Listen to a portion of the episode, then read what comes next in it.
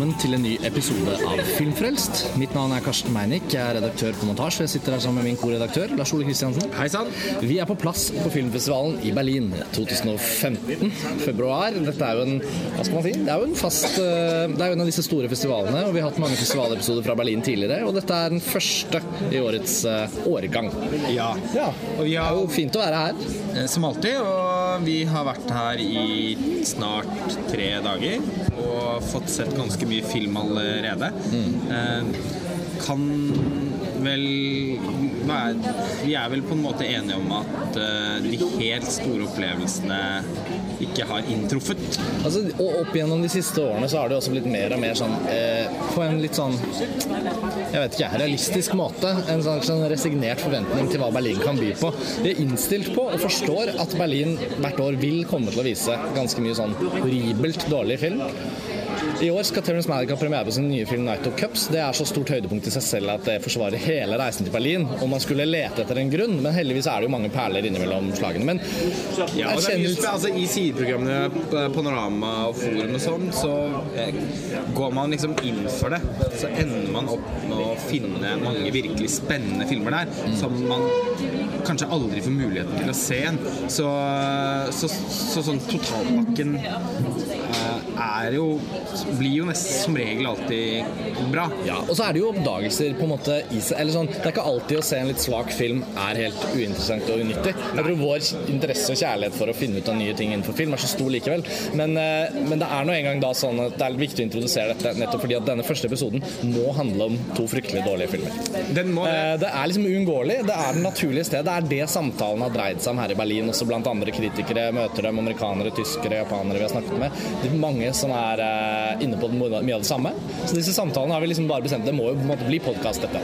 Ja, fordi eh, åpningsfilmen eh, i år av Isabel Coaxet den eh, Den var helt forferdelig. den, Altså, den er så forferdelig at eh, jeg nesten ikke helt vet hvilke ord jeg skal finne for Nei. å beskrive den. Nei, altså, Fordi den, den- det, og, og, og jeg har vel sjelden liksom sett en så sterk enighet på en festival Ja. om en film. Jeg har ikke snakket med som har latt seg begeistre av den. Nei, og det var eh, Vi hadde jo senket forventningene ekstremt lavt på forhånd. Eh, Isabel Coxette har vært ujevn. Eh, 'Språkets hemmelige liv' er den beste filmen hennes, eh, i hvert fall av de jeg har sett. Ja, det det begynner å bli noen år siden. var veldig god. Og hun, hun er altså her med åpningsfilmen 'Nobody Wants The Night'. Dette er en film som Juliette Binoche i hovedrollen, men det kom en trailer to-tre uker før festivalen hvor de så sånn urovekkende dårlig ut. Da tenker jeg sånn hvordan de hadde brukt sminke på visse ting. Vi skal komme mer inn på det, men også litt sånn å, sånn klipp og feelingen og replikker hadde bare vært sånn mm, Det var noe med lyssettingen svært lite og- lovende, og filmen var enda verre enn traileren. Så det er liksom ja. Det var uh, virkelig helt uh, forferdelig. Julie Binoche og Rinko Kikushi i hovedrollene. To fremragende skuespillere som nesten alltid kan være med på å løfte en film. Særlig Julie Binoche. Men jeg syns også Rinko Kikuchi har alltid likt Jeg tror jeg har likt henne i alle filmene jeg har sett. Og dette er den dårligste filmen til de begge. Ja, Til alle involverte, til alle involverte. Eh, Det er mulig Gabriel Byrne har vært med i noen sånne B-actionfilmer eh, i hjørnene av eh, filmkulturen. Og, som er verre, men, nei, men dette er forferdelig film, i hvert fall. Det, hva handler filmen om? eh, jo, uh, den handler om uh, Juliette Pinoches rollefigur. Da. Dette er en film som presenterer seg selv som at den er basert på ekte figurer, altså historiske figurer. Og eh, Juliette Binoche spiller Josephine Perry, kona til polareventyreren Robert Perry. Og vi kastes inn i filmen når hun skyter sin første isbjørn og er langt, langt, langt, langt, langt nord i Canada, hvor, liksom, hvor han er på en ekspedisjon inn mot Nordpolen. Da. Han har forsøkt å komme seg til Nordpolen lenge. Dette er sikkert historisk korrekt. Naturlig, det tripper jeg her. Og så skal Josephine Perry på død og liv gå følge etter eh, den eh, reiseruten til sin mann for å møte han eh, oppi der et eller annet sted. Det er jo en teit idé i utgangspunktet. Og alle rollefigurene hun, liksom, hun befinner seg i en sånn situasjon hvor alle fraråder henne å dra. Og i etterkant så tullet vi med at liksom, hadde de bare lyktes, så ville jo også filmen blitt ferdig etter 20 minutter. Så hadde vi sluppet hele greia. Men det filmen egentlig handler om, er da relasjonen som oppstår mellom Juliette Norsk rollefigur og en inuittkvinne som hun møter på en sånn en siste liksom eh, eh, hvilehytte eller sta, eh, hva skal man kalle det, en slags sånn eh, camp da, opp mot nord der, hvor de havner isolert der sammen. Og det er jo etter hvert, også skjønner man jo veldig at det er jo det filmen skal handle om. Derfor er det også utrolig merkelig at den bruker tre kvarter på å introdusere det som skal bli en av filmens viktigste rollefigurer. Det tar kjempelang tid før ja. Rinko Kikuchi eh, entrer scenen, men det blir jo bare verre fra det skjer, fordi den store Ja, nei. Nei, ja, jeg skulle bare, ja, nei, men si det du skal si. Nei, jeg, jeg syns den store fornærmelsen mot oss som publikum er eh, filmens Altså den, den karikeringen av rollefigurene i filmen er så voldsom at, uh, at, det, at det blir nesten utrivelig å se på. Jeg syns uh, særlig da fremstillingen av denne inuittkvinnen grenser mot rett og slett å være rasistisk. Uh, hun Rinko Kikuchi sitt spill og manuset sånn veldig sånn hun har liksom aldri noe annet å komme med enn noe helt sånn barnslig. Eh, banale observasjoner. Og, og ok, hun snakker da på engelsk, som, hun, som man liksom skjønner at hun har lært seg. Det fremkommer av filmen av at, av at det er en årsak til at hun kan litt engelsk. Og det er klart at det begrenser hennes liksom, uttrykksregister. Men det er jo forskjell, som Egon Olsen sier i Olsenbanden, det er forskjell på å barbere seg og skjære av seg huet. Eh, altså, sminken og, og, og spillet er altså så klovneaktig. Og vi liker ja, det var, det var som å se en treåring. Det er altså, det, og det verste her, det må bare sies da, vi liker Rinko Kikuchi. Hun er jo en strålende skuespiller, om det er i Babel eller andre filmer. Men her er det også gjort et å caste det som skal være en inuitt på Grønland, med en japansk, blek japansk skuespiller som er liksom sminket opp i lysebrun hudfarge. På en måte som man bare har sett i sånn Ku Klux Klan-infisert film tidlig på 1900-tallet. Birth of a der- Ja, en sånn eh, blackface-strategi på, det- på, på inuitten. Det er forferdelig, og det er Litt som å smøre inn eh, Leonardo DiCaprio med skokrem, og så la han spille en av hovedrollene i er Slave. Ja, det er helt forferdelig. Og, og det er åpningsfilmen i Berlin. Og, og, og vi, har gått, vi har jo rett og slett gått sjokkerte rundt og tenkt at dette er Dette er, eh, det er bare ikke til å tro. Det er eh, festivalfallitt. Ja. Dieter Kostlik har jo, nå har det blitt bekreftet at han skal være direktør i ytterligere seks år. Ja. Presentert som en slags gladnyhet. Jeg kan ikke skjønne noe annet enn Nei, at det er en sorg. ja. Han er utrolig dårlig på å på liksom Det er noe sånn det er noe sånn uelegant eh, ofte over hovedprogrammet, hovedkonkurransen sin liksom sammensetningen av, fil eh, av filmer. Og, liksom, og det å klare å velge denne som en åpningsfilm det er så mange uheldige ting ved det valget. Og så, og så, slår, så lander jo denne diskusjonen, og alle er enige med det. Ok, greit, den var forferdelig, og så begynner man å se andre filmer og sånn. Og så er det jo forskjellige ting man gleder seg til. Og den andre filmen som vi nå skal snakke om, har dessverre altfor altfor mye til felles med 'Nobody Wants the Night'. Det er jo en sorg å måtte rapportere at Werner Herzogs nye film, 'Queen of the Desert', den var altså også så svak at disse to filmene tvinnet seg sammen, og vi måtte, vi måtte rett og slett kjøre en dobbeltepisode om disse to. For det er Vi har på en måte bestemt oss litt for at vi må kunne slå fast at europuddingen er tilbake. Begrepet europudding, for de som ikke vet det, er da altså sånne håpløst konstruerte samproduksjoner med mange land involvert, hvor det kommer én skuespiller herfra, én skuespiller derfra, og historien vokser gjerne enten ut av proporsjoner eller blir aldri det den skulle ha vært. Og det ble liksom et begrep, og det var særlig på 90-tallet, disse europuddingene. Um, en film som for så vidt ikke er så verst, men som også er eh, en norsk film som er en europudding, er f.eks. 'Jeg er Dina'. Den er i europuddingsjangeren. Ja. Og, og her har altså europuddingen, som vi trodde var Som vi trodde var forbi, den fasen liksom på 90-tallet, den har liksom ikke sett en Det er tilbake. 'Nobody Wants a Night' og 'Queen of the Desert' bærer så sinnssykt preg av dette problemet. Vi så jo også et eh, forferdelig eksempel på det i Venezia. Ja. Da særlig du, som så stor Fatih Akin-fan, Ja.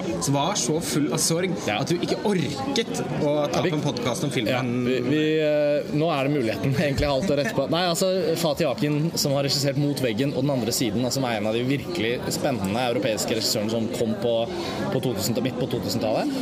Han har altså laget en ny film, 'The Cut', som har premiere Venezia. Og den er også forferdelig dårlig, på den samme måten som disse filmene er det. Så det går en sykdom gjennom koproduksjons-Europa som slakter filmskapere for fote. Isabel Coixet er ferdig. Werner Herzog, jeg, jeg, jeg, jeg gråter med han. han. eh, Han kan ikke si at han er fornøyd med denne filmen. Og Fatih Akin. Ja, og det er jo så trist. Bare, sånn, han er jo en av mine favorittfilmskapere, så det er mye sorg her ute. Og det har våknet til live her i Berlin, og da, vi måtte bare snakke om det. Vi måtte ta det nå. Og inn, og hva skjer med filmer om det osmanske riket? ja, det er også det. Og det er så trist det Og En historisk periode i verden som så mye interessant, så mye historie, så mye etnisiteter som kolliderer, et rike som prøver å holde tråden sammen. Det har ikke vært et sånt rike siden Romerriket. Åpenbart en kime til mange Ja. potensielt fantastiske Og filmfortellinger. Queen of the Desert uh, toucher jo da også inn på denne siste fasen hvor det osmanske riket er på vei til å gå i oppløsning. Det samme er i Fatih Akins The Cut. Forteller veldig forskjellige historier. Men parallellen mellom historiene i Nobody Wants the Night, som foregår samtidig, bare på Grønland, den foregår i 1908, og Queen of the Desert er også innom 1908, starter litt før, slutter litt senere, og handler om en, eh, en liksom sterk, frittstående kvinne, eh, Josephine Nei, ikke Josephine, hva heter det? Gertrude Bell, spilt av Nicole Kidman, som eh, på en måte bare vil hun vil bare reise rundt i Midtøsten og møte forskjellige stammer, knytte liksom og være litt, sånn, litt arkeolog, litt reisende, skrive litt, forske litt. Og dette er også en historisk eh, person, da, Gertrude Bell, som ble en av de fremste ekspertene på og kjenneren av eh, de mange forskjellige stammene, altså sånn arabere, eh, beduiner og ditt og datt i Midtøsten, i den fasen hvor det osmanske riket var på vei til å gå i oppløsning. Første verdenskrig raste. Hva, hva kom det til å bli? Hvor kom la, grensene til å gå? Og Queen of the Desert starter med en scene hvor Winston en ung- Winston Churchill og et par andre militære fra det, det britiske imperiet sitter og forsøker å tegne opp de nye grensene, og der skal franskmennene, og dit skal de, og vi må ha på tak i Gertrude Bell, og så flashback, og så får vi historien.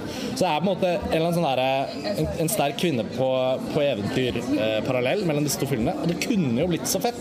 Begge de filmene kunne blitt bra, de. Absolutt. Men det er sånn så- filmskaperkollaps og samproduksjonskollaps, og det er, det er eh, altså, Queen of the Desert har det virkelig i seg til å kunne være en flott film, og jeg syns også den Den er bedre enn eh, Quaxet, da, skal sies. Ja, det er den. Fordi den har i hvert fall Altså, det er en Det, det er noen gleder å høste der. Eh, det er Altså, sånn, Werner Herzog og han Peter Zeitlinger er fotografen hans, er jo aldri helt i stand til å gjøre noe som, som Altså, i bruken av lys og sånn ser dårlig ut. Det er jo en, eh, en del iscenesettelser som ser ganske fine ut. Noe bruk av natur som er ganske fin. Eh, og jeg syns at Nicole Kidman kjempe, hun kjemper med et, et, altså et virkelig svakt manus, men gjør det med æren i behold, syns jeg. Jeg syns at hun leverer en langt mer levende rolleprestasjon enn det Juliette Binoche eh, gjør i Nicole Kidman overlever denne filmen. Og jeg Ja, tror det til og med Jeg, jeg, jeg, jeg syns jo til og med det er oppløftende å se at hun, hun, hun ser til og med litt mer naturlig ut. Eh, Det har liksom vært noe med at det ser ut som at hun har vært på rett sted i forhold til å gjøre denne filmen. Men jeg, jeg, jeg syns jo også Herzog eh, gjør en veldig altså Ja, jeg er enig med deg litt, men jeg syns jo også det er han som tross alt må ta hovedansvaret her. For det er, Altså, det er først og fremst det å fortelle historien som ikke funker. Det er jo, og så er det gjort noen dårlige castingvalg. så både James Franco og Robert Pattinson er gitt sånne bitte små, eh, eller ikke så små, men sånn biroller, hvor de, hvor de, hvor de er eh, castet i en periodefilm med sine kontemporære, veldig kontemporære looks. Og de klarer liksom ikke å gli inn i det, og de er kanskje Særlig James Franco. Han Særlig ser Franco. så kontemporær ut som du sier. med, han, eh, alt med hans rollefigur burde jo vært klippet ut Det har en veldig ødeleggende funksjon for historien, fordi det er den første historien som liksom filmen forteller. En møte mellom Nicole Kidman og James Frankels rollefigurer når hun reiser til eh, den britiske ambassaden i Teheran for å, eh, for å liksom få sin første utenrikserfaring. Og da er hun, skal hun jo være en veldig ung versjon av denne rollefiguren. Eh, Det har de ikke gjort noe spesielt forsøk på, så det er veldig rart med Nicole Kidman som er sånn slutten av 40-årene, og de snakker til henne som Oh, you young girl, you have to make move forward in the world. Og så, her, og så er sitter man og ser Ja, men det er jo Nicole Kidman. Det stemmer jo ikke. Hun kan ikke være en ung Og senere i filmen så, så funker jo det veldig bra, da. Men James Franco, som er sånn sykt mye yngre, og skal liksom være en slags, også en slags sånn myndighetsfigur overfor henne, som Han skal vise henne verden. Det ble utrolig rart. Ja, det ble Sykt dårlig, Veldig altså, corny. umusikalsk film.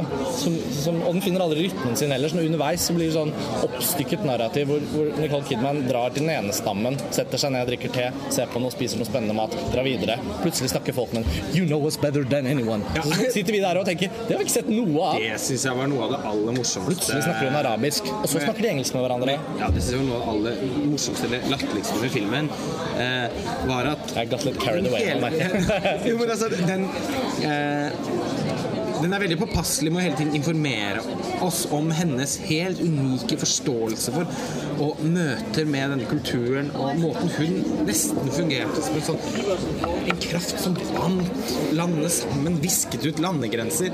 Eh, det morsomme er at filmen gestalter jo ikke noe av det. Det er en veldig spennende tanke, men det er helt umulig å kunne se og kunne liksom oppleve eh, oppleve det og få en forståelse for det eh, i filmen. Eh, jeg syns hun snarere ter seg som en typisk turist. Nesten hvert eneste sted hun drar. Eh, og- hun er kjøper bare postkort, «Å, for å si det sånn». På krydderet, Ja. smak på en daddel. Har du sett hvordan vi danser? Jeg syns jo på en måte hun virker nesten som en sånn kulturtante som syns det er like spennende på hvert eneste sted. Og som også da forelsker seg i en eller annen sjeik gjentatte ganger i løpet av filmen. Det er liksom Eller om det er en sjeik eller Ja, ja, men, men ja. Det er et det er også en slags sånn rebusløp mellom liksom ulike korte relasjoner til eh, mannlige herskere Men i alle disse Nei, altså, Ja, det er det, men uten at vi Utrolig hakkete, Ja, merkelig. Og uten at vi føler at hun er på en reise. Ta alle denne typen filmer hvor det er en person som legger ut på en reise, og, og reiser gjennom mange miljøer, og så liksom Way, kommer way back eller, eh, ja, til Peter Weir Tracks med Mia Wasikowska, Ja. som, uh, som var en veldig sånn un glemt, uh, undervurdert liten Norge. perle i fjor. Men Queen of the Desert lider av alle disse tingene, men den lider også av sånn barnesykdomsting. Da. Og, og, og det, selv om Werner Herzog er langt mer merittert enn Isabel Coixet, så har også Coixet laget en del filmer nå. Og det slår meg som den største sånn Det er som om de liksom har mist Hvis de, de På hver sin måte så har de sikkert hatt det, kunnet det. Vi vet jo at Herzog altså, sånn, Det er ikke det, men sånn Men hun også, da. ja. Og det er noe med at liksom å se to filmer som dette, hvor forholdene faktisk sannsynligvis har ligget til rette for å kunne lage noe bra. De har fått med seg to veldig bra skuespillere, altså Juliette Binoche og Nicole Kidman. Og Rinko Kikuchi. Ja, ja, ja, men jeg mener sånn som disse hovedrollefigurene. Ja. Det er ingenting som står i veien for at ikke de skal kunne bære historien. Det er ingenting som står i veien for at de skal kunne åpne døren for publikum. De Det er ingenting som står i veien for at, disse, for at de filmskaperne skal kunne eh, lage en overbevisende iscenesettelse og klare å fortelle de historiene. For det er ikke veldig vanskelige historier å fortelle. Det følger jo en sånn kjempeklassisk oppskrift. Og da- det er inkompetent. Og eh, på ta, når man snakker om Herzog, ja, han har selvfølgelig rik erfaring som filmregissør, men har også hatt mange forskjellige faser som filmskaper. Ja. Nå er han jo eh, De siste årene så opplever jeg også at Herzog på måte, på en merkelig måte så har han blitt en mer og mer konvensjonell filmskaper. Det er veldig lite av hans særtrekk igjen. Det er nesten Altså, jeg vil eh, Ja, plusspoeng til den som klarer å finne mer enn 5-10% Herzog i Queen of the Desert. Og selv om, og hvis man ser liksom på en film som Rescue Dawn, da. Som er fra 2006 eller noe Ja, sånt. med Christian Bale. Ja. Det var også en utrolig konvensjonell film. Men den var virkelig godt fortalt og spilt. Og hadde akkurat eh, nok liksom det- det- Den var tilstrekkelig Herzog til at den også kunne føles som slags autørfilm. Eh, og det var enda Det var vanskeligere å spotte i den Bad Lieutenant, synes jeg. Den My Son, My Son, What Have You Done fikk jeg aldri Ja, sett. den er ikke var helt noe bra. Ja, den er det. Eh, og så har han laget masse dokumentarer innimellom, og der har han liksom fortsatt en slags teft. Eh, men det er usikker på om liksom bare ideen om å gi Herzog dette prosjektet, eh, og, og, han- og, og at han skal fortelle denne veldig sånn episk anlagte historien, det, det var nok i utgangspunktet ikke en god idé.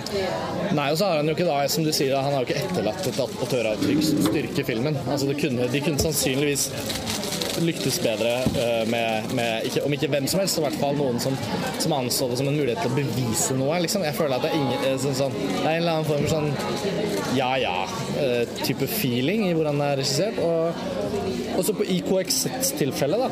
Jeg må bare si at jeg vet ikke hvordan jeg helt skal uttale navnet til Isabel Coixet, så jeg bare sier det sånn som det er skrevet. Det kan godt hende det er har sånn, alltid sagt jeg har alltid sagt på Ja, får, prøve å lære det enda litt bedre neste gang. Men i hvert fall henne. Quackset, eh, Yeah. Hun, hun har liksom begått selvfølgelig alle de samme feilene Eller filmene lider av veldig mange av de samme problemene. Eh, men det som er enda verre i 'Nobody Wants Night', er liksom at den en ting er denne bakenforliggende litt sånn rasistiske innfallsvinkelen til hvordan du skal skildre urbefolkningen. Ja, det er bare sånn. Jeg blir kvalm av at det er En ting er at det er gjort i filmen, en annen ting er at Berlinalen setter den front and center, på en måte. Ja, og jeg tror ikke, når det, er sagt, jeg tror ikke det er sånn at filmskaperne på ingen måte det er noen intensjon bak det. Nei, men det er det bare idioti. mangel på tanke. Det er idioti, og det lider ikke eh, Queen of the Desert av. Når den skal liksom Den er bare så, så forenklet og så, og så usann. Den, den klarer liksom ikke å skape noe autentisitet. Den er bare en kjempedårlig film. Ja, mens denne her er liksom sånn en idiotisk dårlig film. Det er sånn at du bare føler, jeg føler liksom sånn hvem var det, det var noen som sa at det er sånn film man får, man får lyst til å vaske den av seg. Den den har liksom skitnet oss til litt med sin dårlighet.